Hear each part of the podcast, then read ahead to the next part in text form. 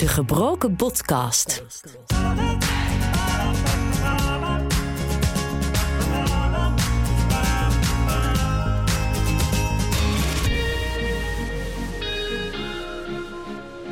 Welkom bij aflevering 13 van De Gebroken Podcast. Ik ben Michael en in deze podcast heb ik je meegenomen in mijn revalidatieproces van vorig jaar en begin dit jaar en in mijn worsteling met mijn aandoening osteogenesis imperfecta. Voordat ik deze aflevering start, het geluid klinkt misschien iets minder goed dan dat je voorheen van me gewend bent, maar dat komt omdat ik het nu even zonder goede microfoon moet doen.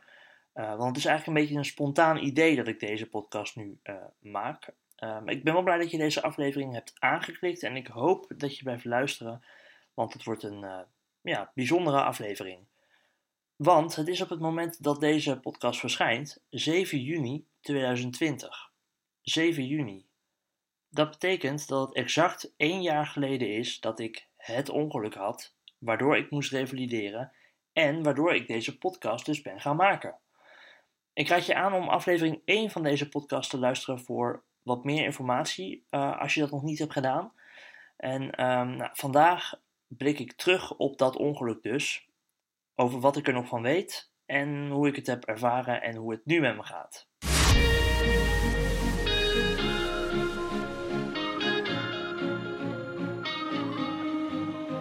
Op 7 juni 2019 zag de wereld er nog heel anders uit in vergelijking met nu. Het lijkt ook wel alsof het al tien jaar geleden is, het ongeluk. Zoveel is er gebeurd en zoveel is er veranderd. Maar het is dus nog maar een jaar. Een jaar geleden om precies te zijn. Het was vrijdagavond 7 juni 2019.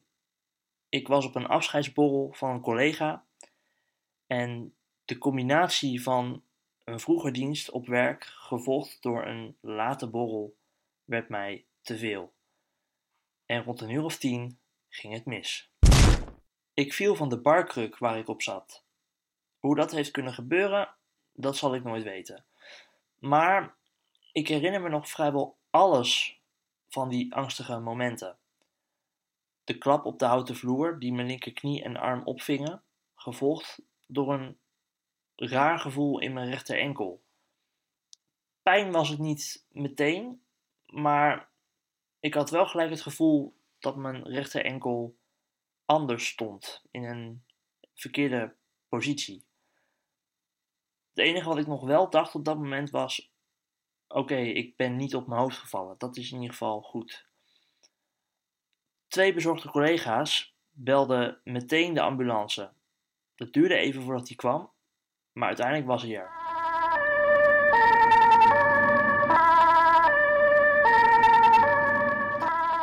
Het ambulancepersoneel wist me te kalmeren, want inmiddels was mijn adrenaline level behoorlijk gezakt en was de pijn in mijn enkel ondraaglijk aan het worden. Ik heb mensen op feestjes wel eens ketamine zien gebruiken. En nu kreeg ik er zelf een medische variant van om tot rust te komen. En ik kan je zeggen, dat lukte goed. Dat kan ik me nog heel goed herinneren. Ik herinner me nog hoe alles om me heen eigenlijk verstomde. Hoe mijn zintuigen als het ware um, in een soort stand-by-modus werden gezet. Um, of juist overprikkeld raakte. Nee, het is maar net hoe je het bekijkt. Het uh, geluid om me heen verstomde. Mijn zicht werd anders. En ik weet nog dat ik heel fel wit licht zag opeens. En ik kwam in een soort rustgevende wereld terecht waarin alle hectiek van dat moment eigenlijk verdween van de ambulancerit kan ik me dan ook eigenlijk niets meer herinneren. Ik kwam weer bij zinnen in het VU-ziekenhuis met heel veel pijn. Mijn bezorgde moeder kwam daar toen ook aan. Inmiddels was het zaterdag 8 juni 2019 geworden. Na uren wachten en onderzoeken kwam de diagnose. Meerdere zware breuken in mijn rechter enkel met een luxatie, oftewel uit de kom. Links was een klein stukje van mijn knieschijf afgebroken en mijn kniepees was bijna volledig afgescheurd. Na overleg ging ik weer de ambulance in, want in het AMC konden ze me direct met spoed opereren aan mijn enkel. En zo geschiedde.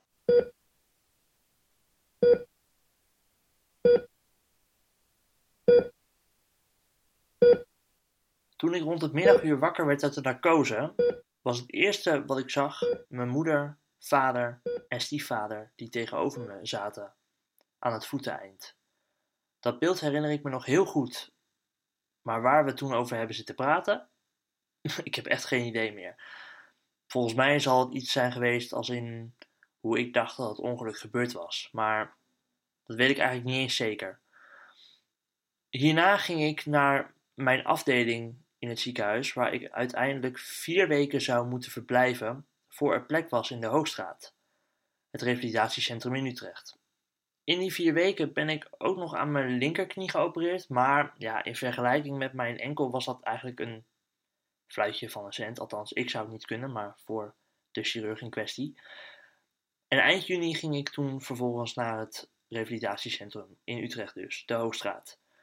Daar heb ik een hele goede tijd gehad. Ehm, zoals je in deze podcast hebt kunnen horen. Eh, daar ben ik heel veel uh, mee opgeschoten. Daar ben ik heel hard vooruit gegaan.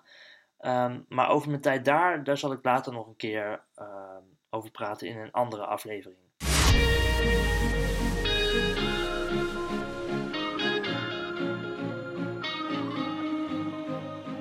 Inmiddels is het dus 7 juni 2020. We zijn een jaar verder en het is denk ik goed om eens te kijken hoe het nu gaat. Allereerst het lichamelijke aspect. Nou, mijn enkel doet eigenlijk, om heel eerlijk te zijn, nog elke dag pijn. En er is mij toen ook al verteld dat uh, mijn enkel nooit meer helemaal de oude zou worden. Dat er altijd wel wat restschade zal blijven. Maar ja, om dan toch elke dag pijn te hebben bij het lopen, dat is, dat is wel confronterend. En het zorgt er ook wel voor dat ik veel minder ver kan lopen dan voorheen. Maar ik moet er wel bij zeggen dat simpele dingen, zoals bijvoorbeeld boodschappen doen, uh, fietsen, autorijden uh, en dat soort kleine stukjes lopen, dat dat wel goed gaat. Dus wat dat betreft functioneer ik normaal, kan ik gewoon normaal werken uh, en um, ook wel redelijk sociaal functioneren eigenlijk. Dus wat dat betreft is het normaal.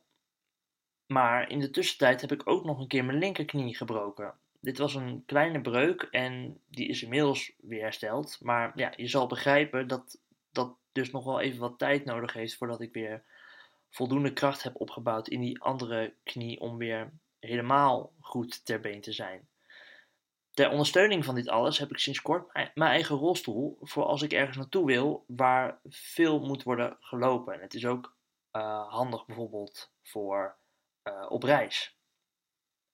Dan naar het mentale stukje. Mentaal is het wel een ander verhaal. En daar heeft de coronacrisis ook wel echt invloed op gehad.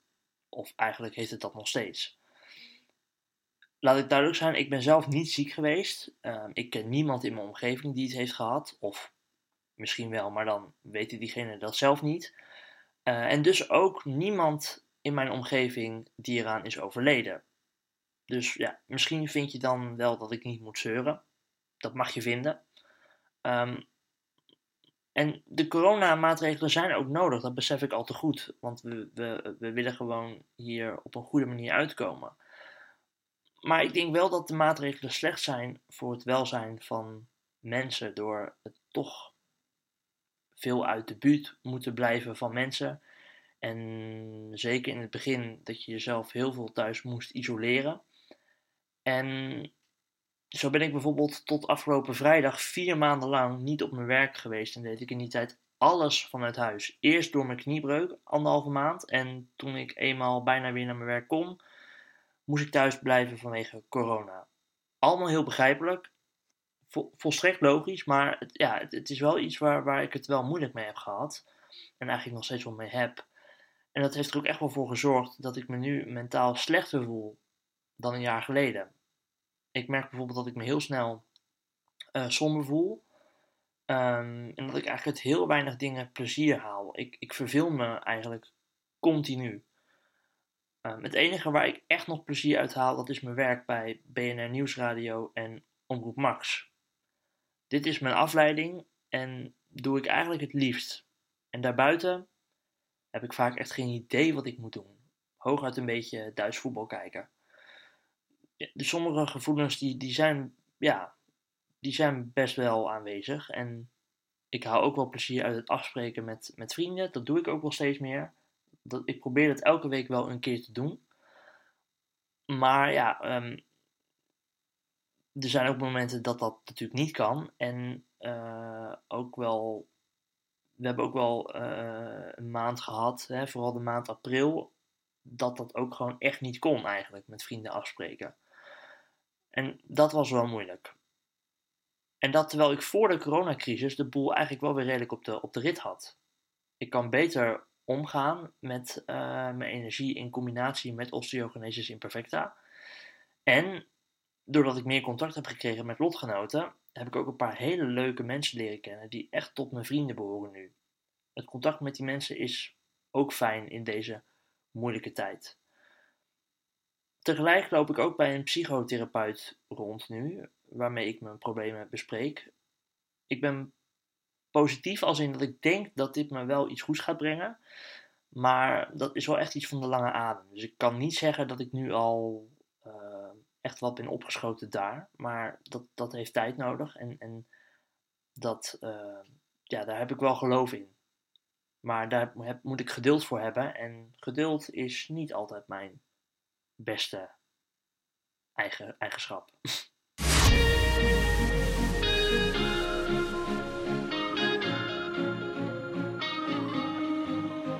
Zo heb ik je een kleine update gegeven over hoe het nu met me gaat. En heb ik teruggeblikt op een jaar geleden. En het is dan misschien ook wel goed om even te uh, vertellen hoe ik er nu op terugkijk, nu een jaar later. Um, het is nog steeds een hele pijnlijke herinnering. En dat zal denk ik ook altijd blijven. Um, maar ergens heb ik ook wel eens, wel eens het idee van, ja, dit moest gewoon gebeuren. Dit moest gebeuren.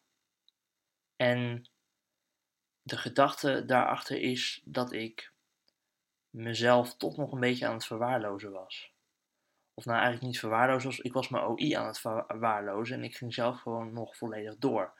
Ik, ik ben door een eerder ongeluk wel uh, meer bewust geworden van, van mijn OI, maar dat was toch weer een beetje uh, op de achtergrond geraakt. Ik ging toch weer te hard en te snel van stapel. En daar heeft dit ongeluk wel voor gezorgd dat ik die fout, denk ik, niet meer ga maken. Ik bedoel, je kan het niet uitsluiten. Ik heb al vaker domme dingen gedaan in mijn leven, maar ik heb toch wel de goede hoop nu dat ik die fout niet meer ga maken. En, en dat is wel de winst die ik eruit gehaald heb. En wat ik dus ook vertelde al eerder, ik heb er echt goede, hele leuke vrienden en vriendinnen aan overgehouden. En, en dat is ook iets wat ik echt koester. Dus um, er zitten ook positieve kanten aan, maar ja, ergens heb ik ook, ook wel de gedachte dat ik denk van, was het maar niet gebeurd, dan had ik nu tenminste nog een fatsoenlijke enkel gehad. Dus het is, dit soort dingen zijn altijd heel dubbel. Um, en ik moet zeggen dat het, um, het mijn sombere gevoel ook wel een beetje versterkt heeft de afgelopen dagen, hè, als je er dan aan terugdenkt. Omdat het toch een heftig iets is, maar ja, het is, um, het is heel erg dubbel. Als ik moet kiezen tussen overwegend positief of negatief, dan is het dan toch wel negatief. Want het is toch wel gewoon, het was toch gewoon een hele nare tijd uiteindelijk.